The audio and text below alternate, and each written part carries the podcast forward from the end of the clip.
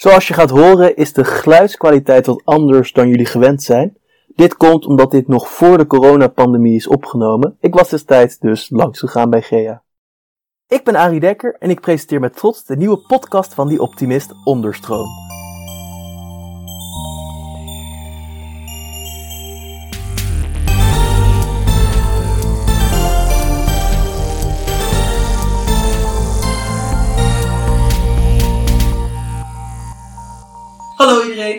Zoals altijd bieden wij om de week een podium aan mensen en ideeën die meer aandacht verdienen. Vandaag spreek ik met muziektherapeut Gea van Straten. Hallo Gea. Hallo. Nou, om te beginnen, vertel eens wat over jezelf. Wie ben jij? Nou, ik ben dus uh, Gea van Straten, muziektherapeut. Eigenlijk al sinds 1994, dus dat is best lang. 26 jaar nu. Best lang. Ja, dat is best lang. nee, dat is heel lang. Nou, en ehm, ik ben een muziektherapeut in hart en nieren. Echt van het eerste uur. Zeg ik wel nog steeds heel erg enthousiast over mijn vak. En over de ontwikkelingen die wij doorgemaakt hebben met deze tijd. En hoe we nu muziek inzetten bij de heel veel verschillende doelgroepen. Dat is echt leuk. En ja, mijn grootste angst, ik, mag niet, ik weet niet of ik over angsten mag praten, maar mijn Tuurlijk. grootste angst is dat ik muziektherapeut word. Die dan op een gegeven moment zegt, ja, maar dat doe ik al 26 jaar zo. En ik hoop echt niet dat dat aan de orde is. Ik denk het ook niet. Daar heb ik eigenlijk hoor ik dat weinig hoor. Ja, dat is een beetje... Maar ik hoop ook niet dat ik zo'n muziektherapeut word. Zo gauw, dan moet men mij waarschuwen. Ja, nee, tuurlijk. Ja. Maar op zich, zolang Ja. je dat zelf door hebt, merk ik altijd wel dat je er ook Nee, wat aan blijft doen, Ja. toch? Dus dat en ik is- ben eh, daarnaast kennisinnovator voor de beroepsvereniging. Net nieuw aangesteld als kennisinnovator. Dat is wel leuk. Daar ben ik in juni mee begonnen, dus het is nog heel vers. Er was altijd wel een kennisinnovator, en- maar de kennisinnovatie ja, neemt een vlucht gezien de gezondheidszorg ook ontzettend ontwikkeld. En de positieve psychologie, maar ook de welzijn, kwaliteit van leren van heel belangrijk is. En ook de evidence en de betaling die er automatisch aan vastzit Ja. moet dat bij elkaar gebracht worden. En dat is wel een hele leuke uitdaging als kennisinnovator. Nou, nou, het is ook leuk om te horen natuurlijk dat er wel meer, eh, Ja. Meer ontwikkelingen plaatsvinden. Ja, Zeker. En ja. voordat we denk ik in ontwikkelingen gaan duiken, want dat is Ja. natuurlijk eigenlijk alweer wat later in het gesprek dat we dan Zeker. zitten. Misschien is het gewoon even goed om te bespreken wat muziektherapie is, lijkt mij. En ik had daar toevallig, ik had het jou net al even verteld, een leuke quote voor gevonden om Mhm. even te laten zien hoe belangrijk muziek dan is. Want zelfs al eh, een van de grote filosofen van onze geschiedenis, Plato, had er al iets over te zeggen. Ik leer kinderen muziek, fysica en filosofie, maar het belangrijkste is muziek. Want de patronen in muziek en andere kunsten zijn de sleutel van het leren. Ja, dat is wel mooi gezegd. Ja, toch? Ja, nou, en Ja. dus muziek super belangrijk. Ja. En toch denk ik misschien dat er nog best wel veel luisteraars zijn die misschien wel muziektherapie kennen, maar niet precies weten wat het is. Ja. Dus Nou, kan je ons enlightenen? En, en wat jij nu zegt is al heel mooi, omdat jij koppelt leren aan muziek. Dat is cognitie. Leren is belangrijk. Maar dat is niet alles wat muziektherapie is. Mensen denken heel vaak dat je hersenen en je brein worden beter ontwikkeld door middel Ja. van muziek. Dat zijn Zeker over seks ook, toch? Ja, over seks zeker. en dat eh, Ja, ja. en Erik Scherder heeft het daarover. En ja, Henk-Jan Honing, dat is een muziekwetenschap. Helemaal heel belangrijk. En dat is ook daar, maar dat is niet het enige waar muziektherapeuten zich aan verbinden. Dat is eigenlijk de neurologische aspect van muziek, wat muziek in de brein kan doen. Ja. Het andere stuk is eigenlijk het psychodynamische stuk. Dus hoe je van binnen je innerlijke processen kan verbeteren door middel van muziek. Dat is de andere. Ja. Dat klinkt wel heel eh, Ja, interessant. Dus ja. muziek is het middel. Het is niet het doel. En in het leervermogen is het doel toch ook best het muziek maken. Dus Ja. dat je iets goed doet of leert ontwikkelen. Ja, mijn zus En, die heeft ja. zes jaar piano eh, spelen gedaan. Ja, precies. was het zat na twee jaar, dus eh Ja. is toch wel Ja, dat is heel interessant wat je zegt. Want na twee jaar, na drie jaar wordt piano spelen eigenlijk heel ingewikkeld. Omdat je dan ja, weer een stap verder moet in je leerproces. En als je daar dan geen zin in hebt of moeilijk vindt. En dat kost meer studieuren. Ja, dat is toch wel interessant. Dan eh, moet je of door. Of mijn moeder had daar een hele mooie theorie over. Dan, ik ben ook pianist. Maar na Oh. drie jaar had mijn moeder de truc. Nou, je mag er een instrument bij kiezen. Ja. En in mijn geval was dat de harmonie uit het dorp. Dan mocht ik dan een nieuw instrument kiezen. Maar alleen als ik piano bleef spelen. Ah, Aha, tricky.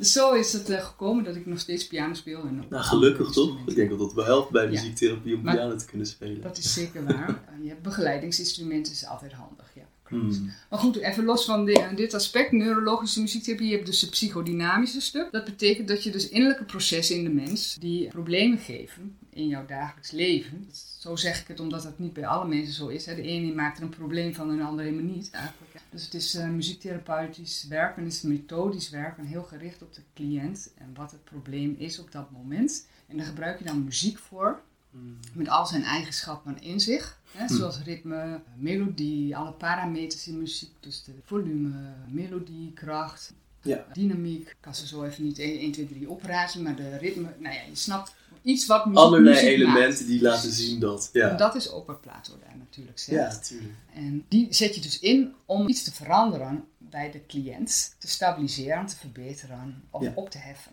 Dat is, niet alles is op te heffen. Ja, precies. Maar je kan er wel mee leren omgaan. Je kan het eh, stabiliseren, dus dat het niet erger wordt. Dus Ja. dat, en dat doe je dus alleen, ja, doe je dus met muziek en jezelf als therapeut. Oh, Oké. Dus niet alleen muziek. Ik zat ook al namelijk nu, het eerste wat bij mij natuurlijk opkomt is, nou, ga, hoe dan dat dus bijvoorbeeld een gitaar. ik hoorde dat de drie belangrijkste instrumenten voor mij gitaar, djembe en piano, toch? Oh, is, zijn- dat, is dat het belangrijkste? dat, Ja, dat la- nee, oh, dat las Oh, ik. nou, waar las jij dat? Dan ben ik Op benieuwd. het Dat moet eh, eraf. internet dat dat de drie eh, meest gebruikte op de website van de Amerikaanse gemeenschap Ja. van muziektherapie. Je hebt, als muziektherapeut heb je, wat belangrijk is, is dat je zelf zodanig muzikus bent, dat je weet hoe muziek werkt. In je, bij jezelf, maar ook waar de grenzen liggen, hoe je kan veranderen in muziek. Want de verandering in de cliënt gebeurt ook in de muziek die je samen maakt. Dat is wat je doet eigenlijk. Ja. Er zijn verschillende visies over, maar mijn, mijn visie is wel dat, dat de analogie in muziek, dus de cliënt is terug te horen in het spel, Wat heftig. wat hij laat horen. Dat vind ik heel cool om dat Ja, te horen. ja. Hoe dan? Eh, Nou, hoe dan? Ik heb wel een mooi luisterfragment straks, misschien van Graag. iemand, die cliënt van mijzelf. Ik werk zelf in de ouderenzorg, dus het mensen met dementie, frontaal dementie. Er zijn de, ik zeg het altijd zo, nu kom ik er even niet op. Dus Altijd eh, in de praktijk. Ja, In het Dus ergste geval doen we hem nog aan het einde zeggen. oh ja, natuurlijk. maar- ik heb een cliënt met een frontaalkwapdementie en dat zijn de executieve functies vrij verstoord. Dus het stoppen, het starten, het organiseren. Ja. Dat zijn allemaal eigenschappen die in muziek zitten. Eigenlijk, hè? Want Hmm. iets maakt een muziekstuk door een begin en een eind, door de rustmomenten, want stilte is ook muziek. Nou ja, dus zo zie je dat daar een parallel is. eigenlijk. Hmm. En als je die cliënt hoort, dan hoor je ook daadwerkelijk zijn probleem terug in zijn muzikale spel. En dan hoor je mij interventies plegen om te zorgen dat die, dat probleem van hem onder controle komt. En dat Ja. hoor je in de muziek, maar dat hoor je ook door mij, door mijn acties, door mij praten, door mij. Dus, dus het zit altijd eigenlijk in de driehoek: muziek, cliënt en therapeut. Ja. Je kan niet alleen maar muziekje aanzetten en denken van, nou ja, die depressie verdwijnt wel. Nou, dat, het is wel toch, er zijn twee vormen volgens mij van muziektherapie, toch? Dat ik ook opgeschreven dat actieve en ontvangstelijke. Ja, je hebt receptieve en actieve muziektherapie, klopt. Dat is uit het Engels Alleen, ehm, nee, nee, dat, is- dat, dat heb je heel goed gedaan. Nee, dat klopt. Je hebt actieve muziektherapie en muziek, maar ook receptieve muziektherapie is met interventie van de muziektherapie. Oh, echt? Oké, Ja. dus dat had ik al geweten. Dus, Dus, het is niet dat je eh, inderdaad Ja. CD-speler in de kamer Nee. zet, je drukt op play en loopt weg. Nee, dat, moet- is echt een misverstand. Dat moet echt uit de wereld. Want ook de Music and Memory, een prachtig eh, project, heb je daar wat van gelezen? Over dat die man is over de wereld gegaan met zijn koptelefoon. En dat, Ja, hè? dat ken ik wel. Dat, dat is zo'n filmpje op Facebook. Dat je zo'n meneer zo een Precies. koptelefoon op en zo ja. En dan het, En dan komt hij bij deze wereld, en dat is precies, maar dat, dat is door de muziek, uiteraard. Tuurlijk. Maar ook door de keuze van de muziek. Iemand heeft de keuze gemaakt voor deze muziek. Het was Ja. voorkeurs van muziek voor meneer. Dus iemand zorgt ervoor dat de juiste muziek in dat muziekkussen komt, of op die koptelefoon. Tuurlijk. Of, en dat, dat vergeten mensen. Het is niet de muziek aan zich. Er zijn ook theorieën over mu- music and medicine. Zo van als je Tchaikovsky opzet, dan gebeurt er dit. het Maar kind je- dat als hij jong is, als er klassieke muziek op staat, dat ja, hij slimmer wordt. Ja. Mozart-effect. Nou, daar ben ik persoonlijk niet zo van. Dus dat vind ik wat moeilijk om daar nu wat over te zeggen. Dus Ik dat heb ook wel niet. vaker gehoord dat het niet helemaal klopt. Maar in ieder geval excuses. Ik denk niet dat het klopt. En ik denk dat het ook veel te beperkt is. Uh, omdat als je mensen wil helpen, van mens tot mens in therapie, dan heb je daar menselijke relatie voor nodig en contact. Dus dat kan niet alleen maar met het middel. hè. Ja. En- Nou, dus nogmaals, je kan niet Ja. een cd aan speler aanzetten en weglopen. Nee. Ja. Nou ja, ik, eh, dat, dat, nee, dat kan. Ik denk niet dat het kan. Wel als je de CD heel goed voorbereid hebt, de muzieklijst goed voorbereid hebt, dan zou je wel, maar dan nog moet je af en toe terug gaan kijken. Zo van, is meneer nog content met wat hij hoort? Is het niet te hard of te zacht? Dat kan niet. Je kan Ja. niet erbij weglopen. Je moet Nee, die relatie houden met diegene die je de muziek aanbiedt. Dat is het belangrijkste. Nogmaals, het zou ook een beetje raar zijn, inderdaad, eigenlijk, nu ik Ja. voor nadenk. Dan ben je dus, ga je naar een muziektherapeut, zegt de Ja. muziektherapeut, nou wat vind je leuke muziek? Oké, Ja. hier heb je een afspeellijst. Nou ja, en het gebeurt ook wel in de zorg. Bij, bij mij in mijn werk heb je natuurlijk wel voorkeurslijsten en afspeellijsten die je geeft aan mensen. Maar die doe je dan in overdracht tot de zorg. Dan ben ik niet degene die dit in de gaten houdt, maar de zorg biedt het aan. Maar heeft daar wel van mij de opdracht als muziektherapeut. Zo van let wel op of het daadwerkelijk het effect heeft wat wij willen op dat moment. Voor Sure. ja. Soms zet je iets in om iemand rustig te krijgen. Soms zet je juist iets in om iemand te activeren. Soms zet je juist iemand in die s'nachts veel wakker wordt, onrustig is en rustiger wordt in gedrag. Dus het zijn heel veel doelgerichte handelingen die je verricht. precies. Maar nooit alleen maar muziek. Het is altijd in relatie tussen cliënt en de hulpverlener. Ja, In dit geval de muziektherapeut of de verzorgende die het integreert in het dagelijks leven van. Ja, dat kan ook. precies. Maar daar is dan weer een coachingstraject voor nodig dat ik goed help. Die mevrouw of meneer help om dat daadwerkelijk Ja. in de dag jullie doen in ieder geval niet niks, dat is fijn om te horen. Nee, nee maar dat, dat maakt mijn werk ook heel erg leuk, want het is Ja, heel erg gevarieerd. Hè? Want je werkt zowel met de zorg, je bent Ja. aan het instrueren, maar aan de andere kant ja, verdiep je je in de cliënt. Hoe moeilijk is het? Waar ligt het probleem? En hoe ga ik dat oplossen met muziek, met de kenmerken in muziek? Je komt dan natuurlijk in aanraking met heel veel muziekstijlen. Maar is dat niet een beetje moeilijk? Want ik heb bijvoorbeeld zelf, ik hou heel van indie rock en van oudere nummers, vind ik ook wel leuk. Maar als ik dan bijvoorbeeld iemand tegenover me krijg die van gangster rap houdt, zou het voor mij heel moeilijk zijn om dan maar te beslissen voor diegene, dit vind je leuk om te horen.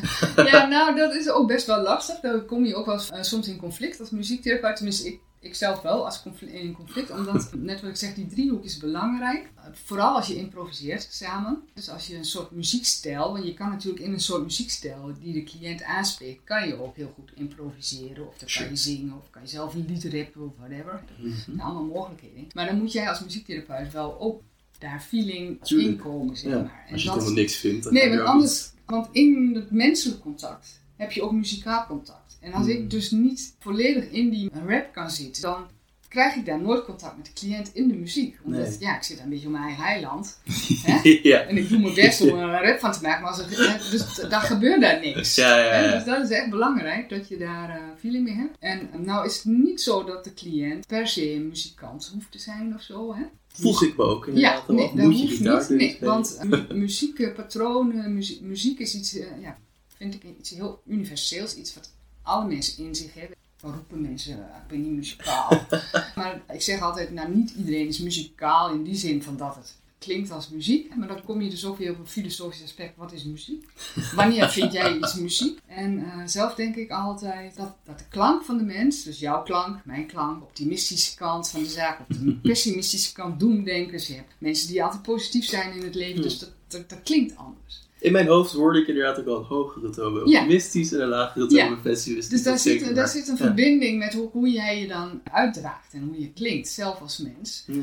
En een voorbeeld daarvan is misschien mooi om te noemen in de zorg. S ochtends bij de wassen bijvoorbeeld. Mensen die eh, zijn vaak angstig of als ze geholpen moeten worden bij het wassen. Maar dat heeft ook alles te maken met jouw dynamiek als zorg. Mijn persoonlijke En dan dynamiek. geholpen bij het wassen als in... eh, Eh, echt letterlijk eh, gewassen worden. tot er een zorgmedewerker komt Ja. en die gaat je En maar de zorgmedewerker, die komt van buiten Ja. tot aan het bed. Ja, maar de manier waarop je de deur open doet, Ja, heeft dan een bepaalde dynamiek. is dat zo? Ja, zeker.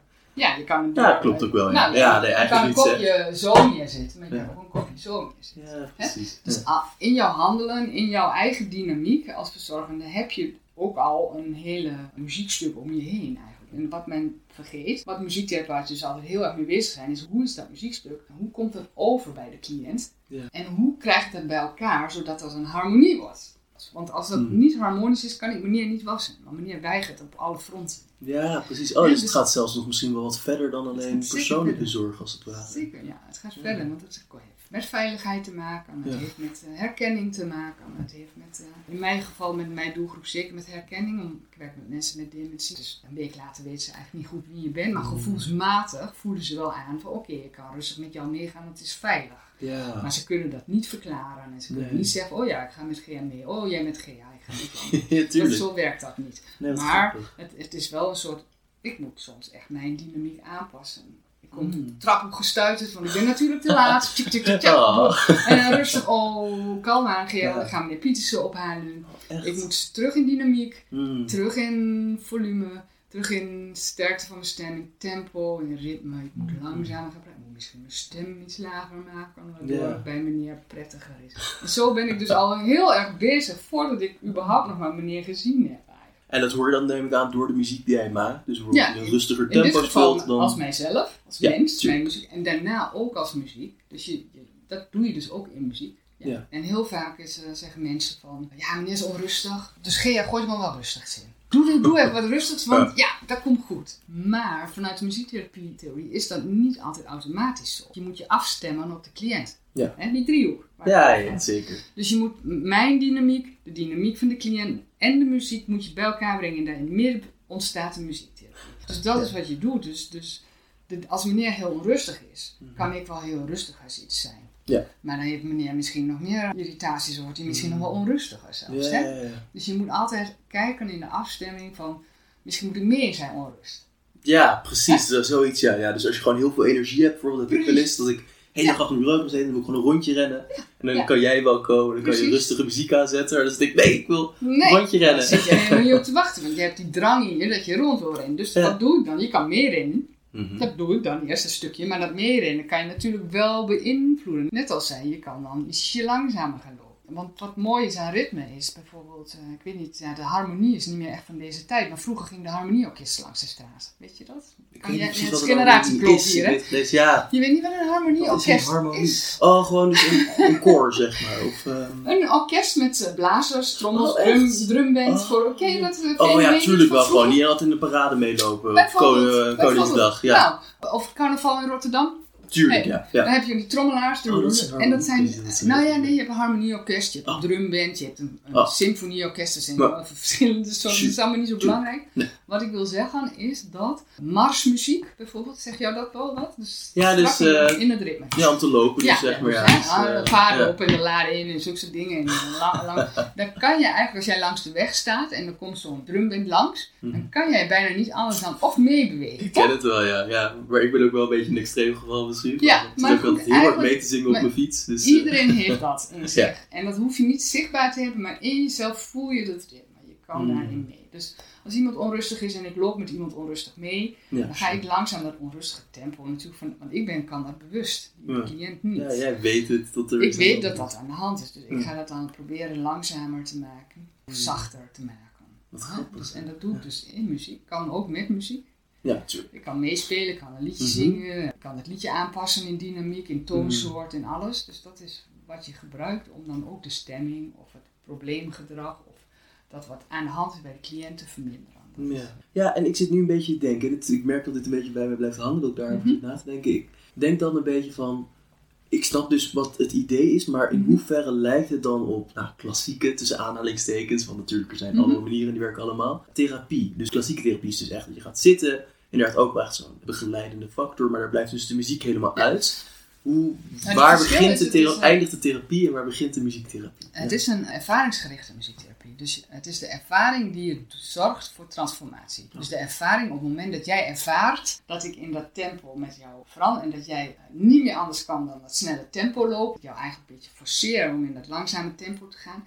En dat jij dan ervaart dat dat ook eigenlijk heel fijn is. En uit jezelf het langzame tempo. Dan, Mhm. daar zit het verschil. Het is een ervaringsgerichte muziektherapie. Ja, precies. Maar, want dus bij een normale therapie, normale nogmaals tussen aanhalingstekens, Mhm. dus ik blijf het herhalen. Ja? Dan zou je dus zeggen dat je heel gaat zitten praten. En Ja. dan kom je dus bijvoorbeeld uit dat er iets heel naars met je is gebeurd in je jeugd bijvoorbeeld. Maar hoe Ja. zou dat zich dan interpreteren in muziektherapie? De, de grap is dus, nou dat is helemaal niet grappig als er iets naast je Ja, nee, gebeurt tuurlijk. in je leven, maar toch.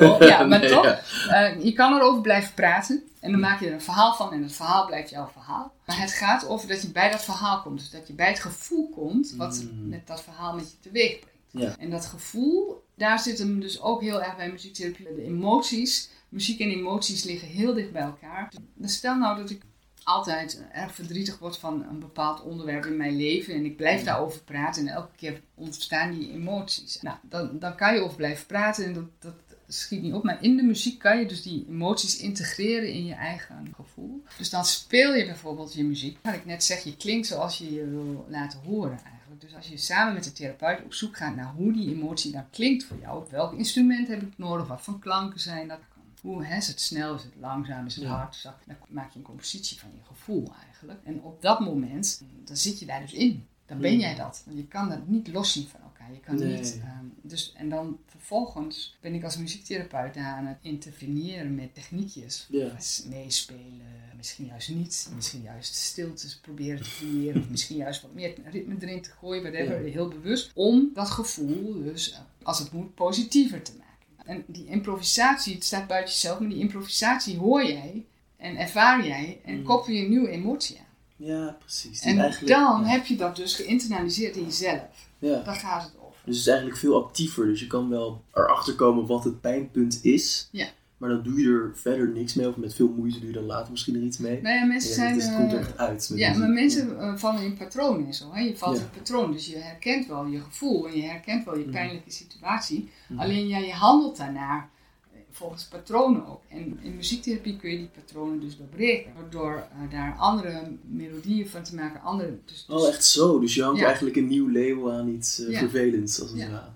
Ja. Oh, wat cool. Oh, oh, ja. Ja. En dat gaat dus, want ik denk dat dat ook nog wel interessant is. De, we gaven er een klein tikje aan net. Op twee verschillende manieren. Dus tot Ja. echt eh, degene deelneemt in Ja. het muziek maken. En dat iemand naar Ja. muziek luistert. Hoe Ja. onderscheidt zich dat van ja, elkaar? receptief heb je ook. Receptieve muziektherapie kan je ook heel gericht waarden en normen verbinden aan wat jij hoort. Dus eh, als ik dit hoor, word ik vrolijk. Als ik dat hoor, word ik niet vrolijk. Als Ja. ik dit hoor, eh, moet ik in beweging. En als ik dat Mhm. hoor, dan raak ik zwaar geïrriteerd.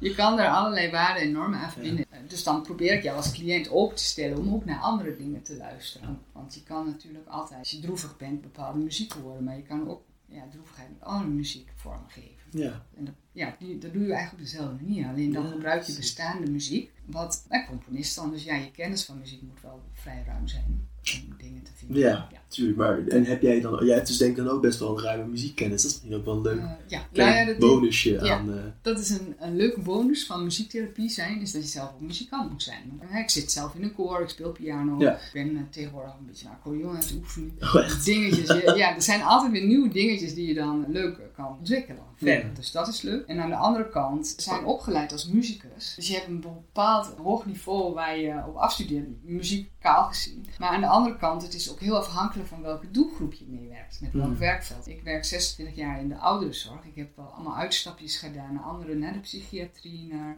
Oh, allerlei heel veel verschillende doelgroepen meegewerkt. Maar mijn hart ligt in de ouderenzorg. Dus op een gegeven moment kies je daarvoor. En, maar goed, dat betekent dus ook dat je je aanpast als muziektherapeut aan het genre van de doelgroep. Ja. Als je met verstandelijke beperking werkt, of als je met psychiatrie werkt, of met rappers. Dat zijn Ja. allemaal wat ik net ook Oh, zei. Dan cool. moet je wel Ja. feeling mee blijven houden om dat te kunnen doen. Oh, maar jij zegt dus ook dat dus per verschillende nou, kwaal, tussen aanhalingstekens, eh, dus mentale staat, dat er ook andere muzieksoorten eigenlijk beter en minder goed werken. Of? Nou, nee, dat zeg ik niet. Oh. Dat begrijp je niet goed. Dan zeg ik dat fout. Zo bedoel ik dat niet. Het gaat erom dat de mens zelf neemt zijn muziek mee. Ja. Hè, wat ik net zeg. Ja.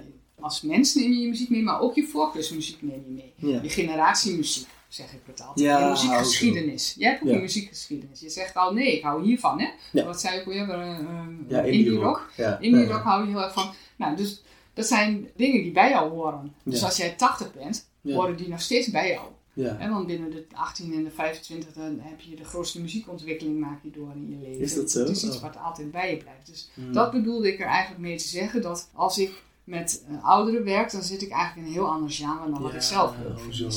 Maar dit gebruik ik dan wel, omdat daar een makkelijker ingang voor te vinden is. Of- Hmm. Maar niet altijd. Ik kan ook hele moderne muziek gebruiken. Als daar de parameters in zitten die ik nodig heb, dan gebruik ik die. Hmm. Dat is geen enkel probleem.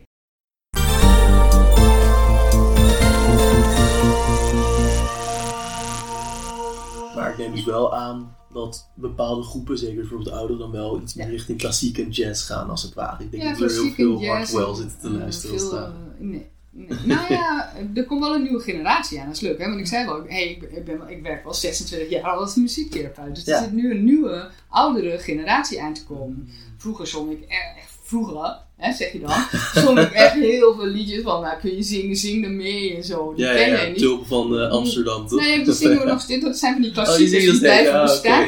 Maar, het zijn, maar nu, ik zit ook met de Rolling Stones en met Oh, eh, de Beatles en Oh, dat zo. is Er zit een verschuiving in. Ja. nee, dus dat is echt leuk om te zien. Ah. Maar ik moet mee in die verschuiving. Dat snap als ik. therapeut. Dus dat is goed. Maar wat ik wilde zeggen, aan het begin is dat je wordt opgeleid als muzikus. Maar als muziektherapeut pas je je dus aan, aan de doelgroep. Dus je moet ook heel erg je eigen ontwikkeling in de gaten houden. Ja, en op peil houden. Ja. En als je dat iets minder doet, wat ik toch ook wel eerlijk moet toegeven, dat dat ook wel automatisch gebeurt. Omdat je, ja, je hebt niet altijd zin om s'avonds weer zelf te gaan zitten studeren of zo. Je bent gewoon Nee. de hele dag al bezig met muziek, dus hier in huis Ja. is het vaak heel stil eigenlijk. oh, echt? Ja, Ja. want ik heb niet altijd dingen niet iets van nou hoor. Het lijkt me lekker. Ik ga vanavond even Beatles. lekker. Nee. Dus, eh, en dat, dat is een eh, soort spanningsveldje waar je als muziektherapeut altijd wel een beetje mee zit. En dat is niet erg, dat is ook leuk. Nee, maar het is ook, eh, dan moet je ook relativeren naar kijk. Er is ook een uitspraak bij ons in de familie. De loodgieter heeft de lekkende kraan in zijn eigen huis. Hij heeft het hele dorp met zijn eigen kraan lek. Ja, ja, ja, ja, ja. Omdat je daar dan niet meer direct zin in hebt s'avonds. Nee. Omdat, eh, De 700ste kraan is een beetje te veel als het ware. Ja, ja, En ja. dan denk je, nou ja, goed. Maar het is in het, in het kader van muziektherapie echt wel belangrijk dat je mu- muzikaal blijft ontwikkelen. Ja, meegroeit met je doelgroep. Ja, want de doelgroep verandert. Doelgroepen blijven niet hetzelfde. Nee. Muziekcursus, muziekgeschiedenis, muziekhistorie, alle, dat beweegt. En dat is mooi. Mm. Dat is ook heel mooi in ons vak. Ja, dat snap ik, maar dat is ook leuk. Maar het lijkt me ook echt wel leuk dat je dus zoveel verschillende muziekstijlen ook gewoon tegenkomt. Ja. Dat je ook echt bijna geen keuze hebt. Je moet Nee. gewoon maar. Nee. eh, en je zei inderdaad, je bent dus opgeleid als ook al, al ook, neem ik aan, als muzikant. Ja. Want ik denk dat er misschien nog best wel een misconceptie is ontstaan dat muziektherapie eigenlijk een beetje als een soort alternatieve. Het is natuurlijk Ja. wel een beetje alternatief, maar het is wel echt een hele serieuze vorm van therapie, toch? Het is niet, ja, niet, niet om enigszins dit er weer neer te leggen, Nee, maar, bijvoorbeeld met stenen ook. Ja. Dat dat Ja. dan. Maar dat is wel, dus dit staat daar wel qua professionaliteit Zeker. en qua opleidingsniveau dan in ieder geval Ja. wel boven, toch? Ja, en ik kan, ik kan het verklaren door. eh dat heeft alles, alles met onze geschiedenis te maken. Mm. Hoe wij als muziektherapie zijn ontstaan eigenlijk. Of, Ja. eh, beeldende therapie, want we zijn een federatie voor vaktherapeutische beroepen, heet Ja. het tegenwoordig. En daar hangen alle media onder. Dus beeldende therapie, dramatherapie, muziektherapie, speltherapie, psychomotortherapie. Hè, we hangen daar allemaal onder. En we zijn onze eigen beroepsvereniging. Dus- En van daaruit ontwikkelen wij de muziek, in ons geval, ik praat alleen voor muziektherapie nu, maar dat geldt voor al mijn mede-collega's in andere mediavakken, Tuurlijk. speel en drama, zijn we ons aan het ontwikkelen hoe je muziektherapie evidence-based krijgt, onderzoek doet, zo Ja. wat werkt er nou precies, welke interventie. Dat is iets van de laatste tien jaar zijn we daar heel hard mee aan het werk. En als je nagaat dat in 1957 Ja, voor de eerste eerst muziek, opleiding. ja, nou, voor, nee, niet de Oh. opleiding. Opleiding waren later, maar de Ja. eerste muziektherapeut of iemand, dat was Clement Holthuis. Dat is een man die echt heel erg met ritme en in dynamiek bezig was om te Ja. kijken wat dat dan met de mens doet. Die man heeft voor het eerst, begreep ik, en als het niet waar is, lieg ik in commissie, het begrip muziektherapie geïntroduceerd. Ja. ja.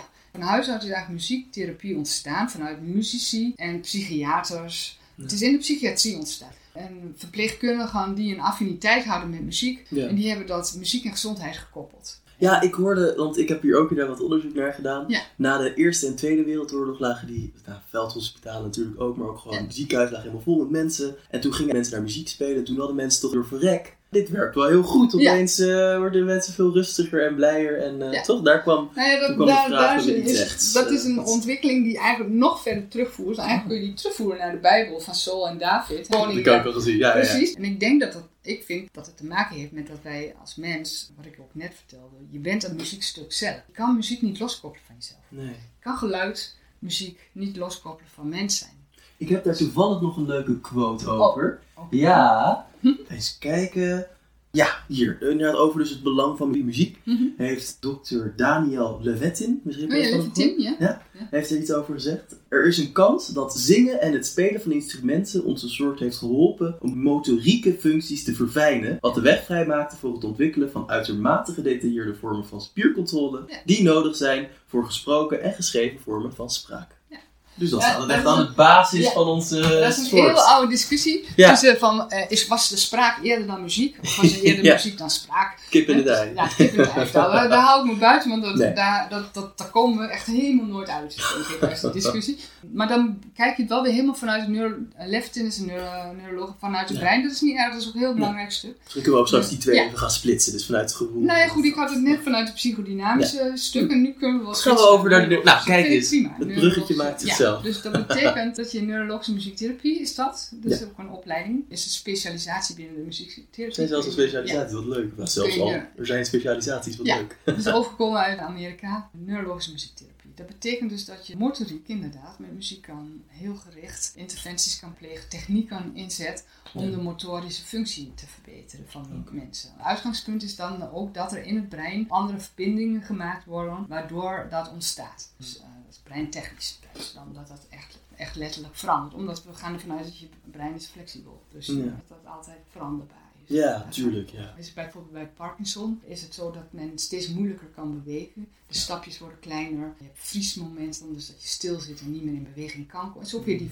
eh, de executieve functies en de frontaalkap wat dan werkt. En dan kan je dus door middel van een strak tempo aangepast op het tempo van de cliënt. Hè? Weer die driehoek. Want je kan niet alleen maar zomaar, een oh driehoek. ik zet eh, beats per 60 beats per minute op en dan loopt meneer weer als een kiefies. Nee, zo werkt het niet. Dus je moet dat echt wel afstemmen op het huidige tempo van meneer of mevrouw. En dat pas je aan en vervolgens zoek je muziek in die trant. En dan zet je dat bijvoorbeeld of in een mooie metronoom. Ja. luid, Of in een muziekje wat lekker meeloopt. Ja. In dat tempo. Waardoor meneer dus weer vloeiender kan bewegen. Dat Tuurlijk. is zoals het bij Parkinson bijvoorbeeld ingezet wordt. Mhm. Maar je kan ook spraak stimuleren bij muziek. Nieuwe spraak, automatische spraak. Als je je voorstelt, als mensen een hersenbloeding hebben gehad, verdwijnt de spraak. Ja. Ja, er zijn ook mensen die worden zo geboren, toch? Die hebben daar dan een Ah, ja. handicap, joh. Ja, kan. En je kan dus eh, spraak stimuleren door middel van muziek. In mijn geval, met mijn doelgroep, gaat het vaak over automatische spraak. Spraak verdwijnt door een hersenaandoening. Ja, tuurlijk. Ja, Dan jij werkt je natuurlijk in de ja. ouderenzorg. Ja, maar goed, maar je kan ook nieuw spraak ontwikkelen. Ja, zeker. Door liedjes te maken met spraak. Hey, we hebben allemaal op de kleuterschool leren zingen ook, hè? Ja, 1, zeker. 2, 3, 4, 5, 6, 7. Ja. Leren tellen en zo. Je kan alles met muziek ondersteunen. Dat is dit echt op het cognitieve vlak. Je brein stimuleert tot nieuwe dingen leren. Ja, en het is natuurlijk ook denk ik wel handig als je gewoon liever niet praat als persoon. Er zijn honderden redenen Ja, voor. Het is lekker stil. Je niet... Ja. Ja. We hebben bijvoorbeeld een handboek van muziektherapie wat oud is, maar er zit een cd bij waar schizofrenen, waar je dus kan luisteren hoe mensen met schizofrenie muziek laten horen en ook hoe ze zich voelen bijvoorbeeld. En Oh, ook een, cool. een meisje staat op de cd die haar hele eetprobleem, anorexia, haar hele therapeutische proces weer klinkt in haar improvisatie. Ze begint vrij start in, in haar djembe-spel in dit geval. Zij compenseert haar hele therapieproces en aan het eind eindigt ze met een solo, vrolijk. Zo van ik kan er tegenaan, ik moet door. Ja, Dat is eigenlijk dat is een proces van jaren hoor. Dus het gaat niet, is niet van één eh, week klaar. zou zo, je mogen hopen inderdaad. Want je dat is, serieus het is wel interessant. We zijn wel heel erg bezig met wanneer stop je nu met die therapie. Want Tuurlijk. eh, de zorgverzekeraar wil het liefst dat je in tien keer klaar bent met je klant. hè? Ja, dat is wel in meer Ja. dingen zo, ja. Ja. Zo snel mogelijk en zo min mogelijk. En, eh, en de klant zelf wil dat ook vaak. En die komt binnen en zegt, nou los jij het maar even lekker op. Ja. Dus hup aan het werk. Als je ergens En- heel erg mee zit, wil je er natuurlijk niet te lang mee zitten. En- Nee, sommige dingen kan dat, kan kort en sommige dingen kan gewoon niet. En als je denkt aan psychotherapie, psychotherapeutische aspecten, ja, dat Hmm. zijn hele persoonlijke processen die best lang kunnen duren voordat je daar mee klaar bent eigenlijk. Maar goed, als je heel concreet kijkt naar de Parkinson voorbeeld van net. Ja, als je dat eenmaal uitgezocht hebt hoe meneer beter loopt, kan je dat heel gestructureerd overdag meneer zelf misschien nog in laten zetten of iemand anders voor meneer in laten zetten. Nou, Ja, ja, dan ben je, kan je misschien binnen zes weken klaar zijn. ja Hè? precies. Misschien Dus- wel binnen drie. Je maar is het dan dus ook zelfs zo dat bepaalde aandoeningen ook vergelijkbare geluiden produceren, als het ware? Of is dat dan niet zo? Dat je dus niet het voorbeeld noemt van het eh anorexische meisje. niet. Nee, in het geval van het anorexia Ja. mensen, dan, dan moet je symbolisch kijken. Dus Oh. dat, is, dat heeft, zij heeft een sfeer neergezet in de muziek. je Ja, kan natuurlijk heel veel sferen neerzetten Ja, in de muziek. En je kan ook je emotie weer klinken aan je muziek. Hè? Dus of, Ja. eh, jij klinkt vrolijk anders dan wanneer je verdrietig bent. Ja, Als je tuurlijk. vastzit in jezelf, klink je anders dan wanneer je de wereld tegemoet. Ja. Dus daar kan je van alles bij voorstellen. Als ik jou een Mhm. trommel voorzet Ja. en ik ga aan jou vragen zo van, oké, laat mij nou eens horen precies hoe jij in de wereld staat. Of hoe jij in de wereld zou willen staan. Ja. Ook al kun je het niet, maar je kan het wel laten horen hoe je het zou willen. En dan heb je het weer over die internalisering van je proces. Nou, dat, dat zijn dus hele simpele voorbeelden hoe dat eh, Mhm. klinkt. Ja, dat mooi. Ik zal trouwens ook, ehm, want jij hebt deze muziek, kan je ook allemaal mij beschikbaar maken, toch? Dat begreep ik. Ja, ik heb die, ja, die cd's, ja. dat is eh goedgekeurd. Ik heb zelf een cliënt. Ah. Eh, Dan hoop ik dat ik een vrouw van kan vinden, Ja. Om het, eh, ze heeft ooit toestemming gegeven Ja, precies. om Nee, maar voor leermomenten, maar niet voor deze dingen. Nee, dat snap ik. Nee, maar dus bijvoorbeeld dat eh, meisje met eh, anorexia, Ja, die kunnen we dan... de- dat, dat is een mooi voorbeeld. En de schizofreen, misschien met lijden en volgen. Er zitten hier wel wat dingen in die je kan gebruiken. Ja, lijkt me heel en leuk. Dat mijn eigen muziekfragmenten vind ik wel heel mooi, omdat dat, dat, daar hoor je de analogie heel goed. Dan hoor je hoe iemand zijn frontaalkap beschadigd is, niet kan stoppen. Iemand die, hij lacht dus de hele tijd heel hard. Ha, ha, ha, ha, en hij kan niet stoppen met het lachen. Oh, Het wordt alleen maar erg. Ja. En je hoort dan in de muziek dat, dat hij dat dus weer kan ordenen. En Oh, kan cool. structureren. En dat Ja. er stilte kan ontstaan in zijn zijn. En Ja. dat is wel mooi. Nou, die plakken we dan hier, als dat allemaal nog eh We kunnen zo even, even kijken of dat En ja, want je zei dus nu al, dus op heel erg ook dus op fysiek en mentaal gebied gaat. ja, lichamelijk ook. Oh, nou. Je, je kan hartslag, bloeddruk. Fysiologisch heb je ook nog eh, effecten van muziek. Dus dat je hartslag lager wordt of je bloeddruk van minder. Het bekendste vind ik altijd, eh, om als voorbeeld te geven, is kippenvel. Ja. Mensen kunnen kippenvel krijgen. Nou, dat is een Mm. fysiologische reactie op Ja. iets.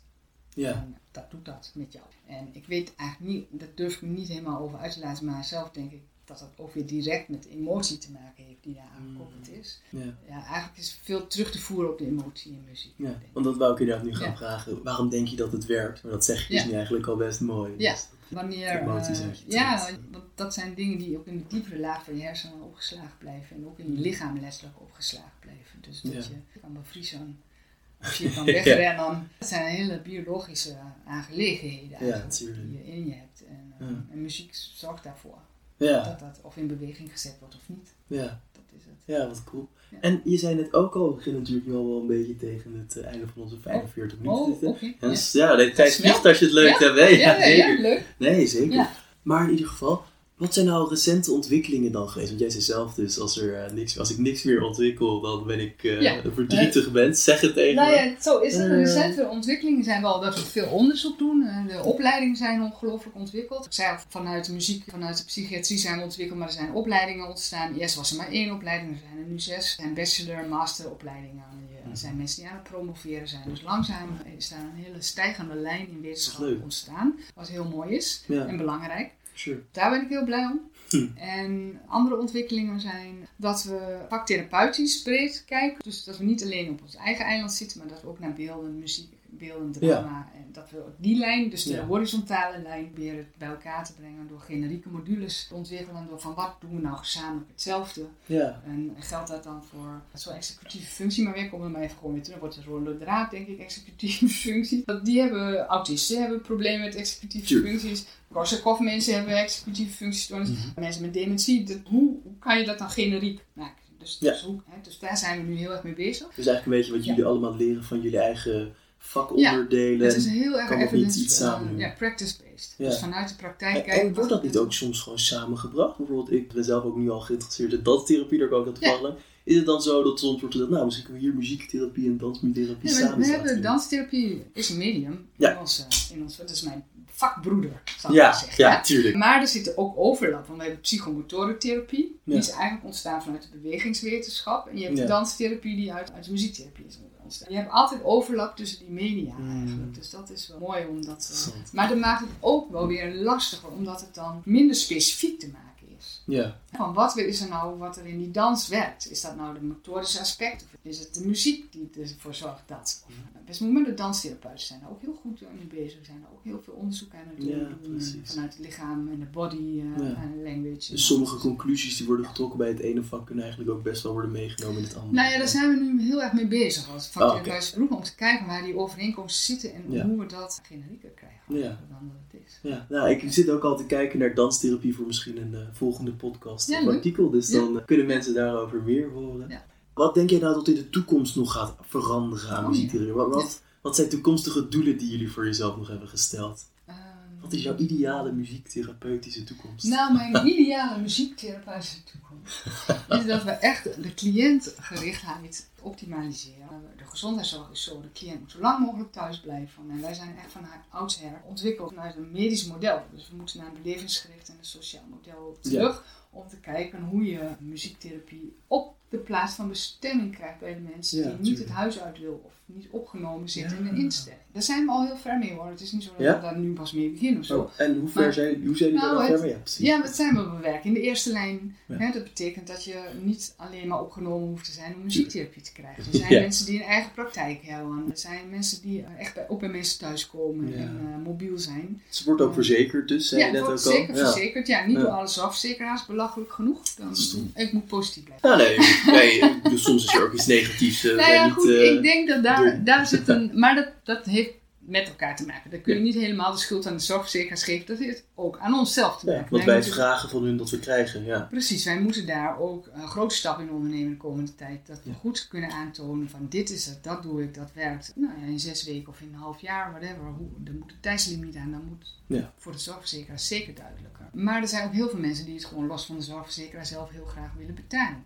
Dus daar zit ook een mogelijkheid. Dat is mooi om te horen. Dus, Wel eh, stom dat dat nodig is, maar wel mooi het om is te belachelijk horen. dat wat- het nodig is. Maar goed, de cliëntgerichtheid is het belangrijkste wat de cliënt wil. Hoe wij de cliënt kunnen helpen met ons medium. Maakt niet uit welke van de vakken therapie je kiest. Maar dat je wel goed onderbouwd met de cliënt samen op een zoektocht gaat. Om te zien hoe dat voor jou werkt. En dus onderbouwd. Ja. En waar kan je, denk je, dan dat gaan vinden? In misschien computers? Of wat, waar zit jij Nou, dan aan te denken? Ja, dat is ook heel erg leuk. Je hebt de, de elektronica is natuurlijk waanzinnig. Kom ik Nou, even niet op. Nee, maar is nee. elektronica wel duidelijk. Nee, de ontwikkeling is- inderdaad heel belangrijk. En je kan daar heel veel computerwereld kan je daar veel mee doen. Maar toch Hm. vind ik die persoonlijke therapeutische relatie, hè, die driehoek waar ik dan maar weer over Ja. begin, die is daar wel moeilijk in Hmm. dan.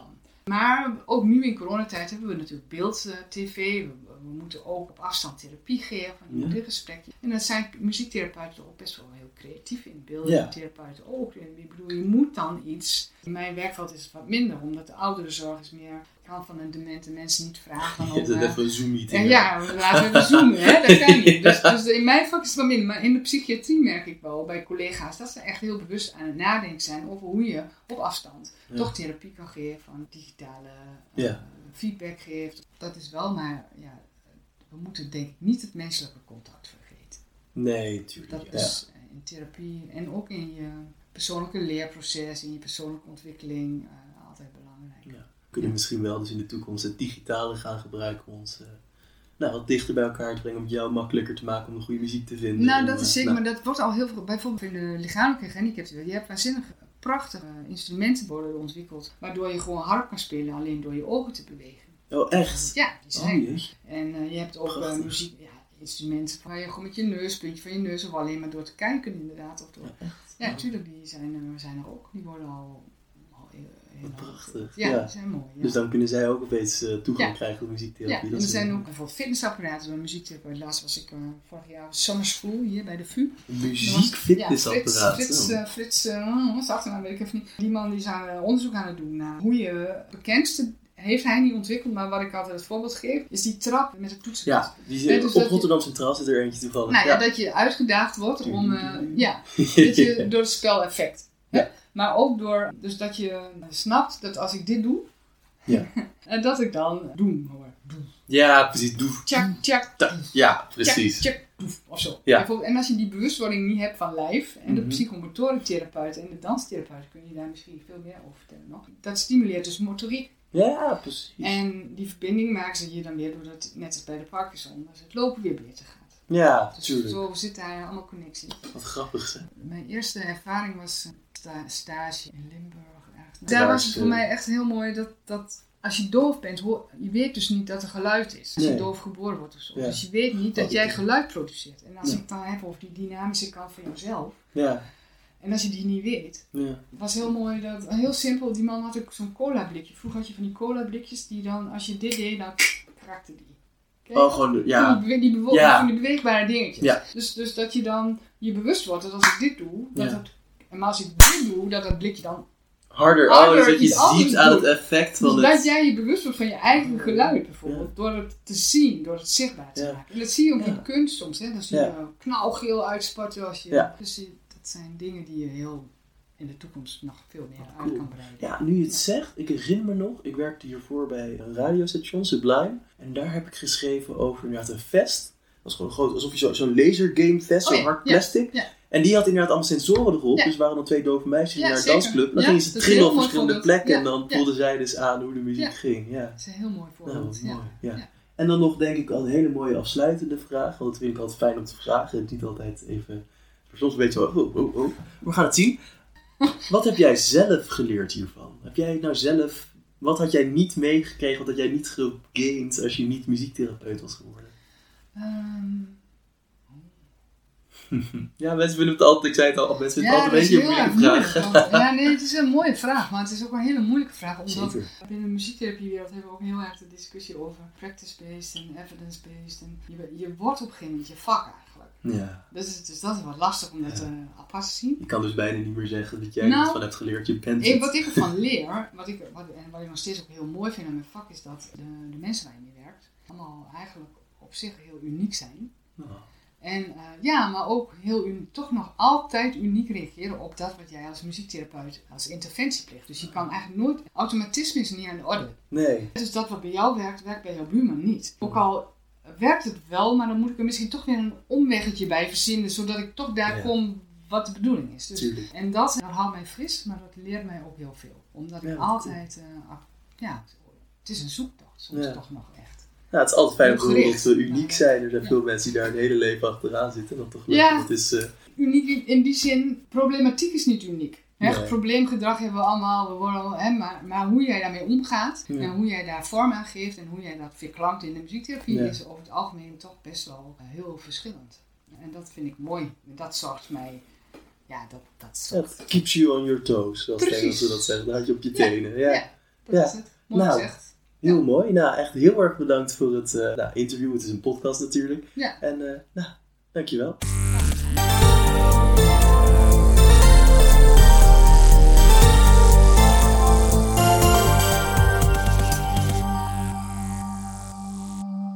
Nou, dat klinkt allemaal als muziek in mijn oren.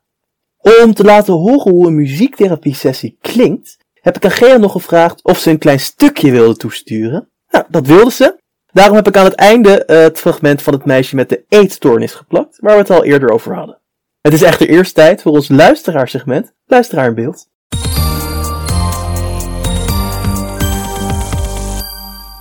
Deze keer zet Frederike ons in het zonnetje. Zij was namelijk blij met de verdieping die de E-Foundation podcast gaf. Toen ik het artikel in de Optimist las, had ik meteen de smaak naar meer te pakken. Hield de Foundation al via een website in de gaten, maar daarmee kom je ook maar zo ver. De podcast heeft me nog meer geleerd over een goed doel dat mij diep raakt. Nou, ik eh, ben blij dat je de E-Foundation zo waardeert, Frederike. Als dit de eerste podcast is die je van ons hoort, kan je via onze website, Spotify of welke plek je dan ook graag podcast luistert, de hele podcast over de E-Foundation luisteren, waar dit een reactie op was. Hierin vertelt Nancy Tromp over hoe het verlies van een ouder onzekerheid brengt in het leven van een kind en hoe zij met de E-Foundation helpt.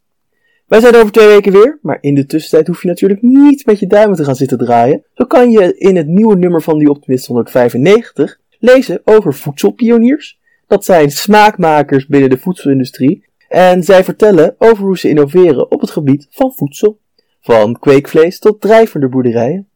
Daarnaast kan je natuurlijk ook altijd de podcast in mail sturen met vragen, inspiratie of gewoon om te laten weten hoe leuk je ons vindt via redactie.optimist.nl of via de reacties onder ons websitebericht. Wie weet ben jij dan de volgende luisteraar in beeld. Ook zouden wij het super vinden als je een goede review zou willen achterlaten op Apple Podcasts. Als laatste wil ik ook nog Anouk Wolf bedanken voor het maken van de muziek bij deze podcast.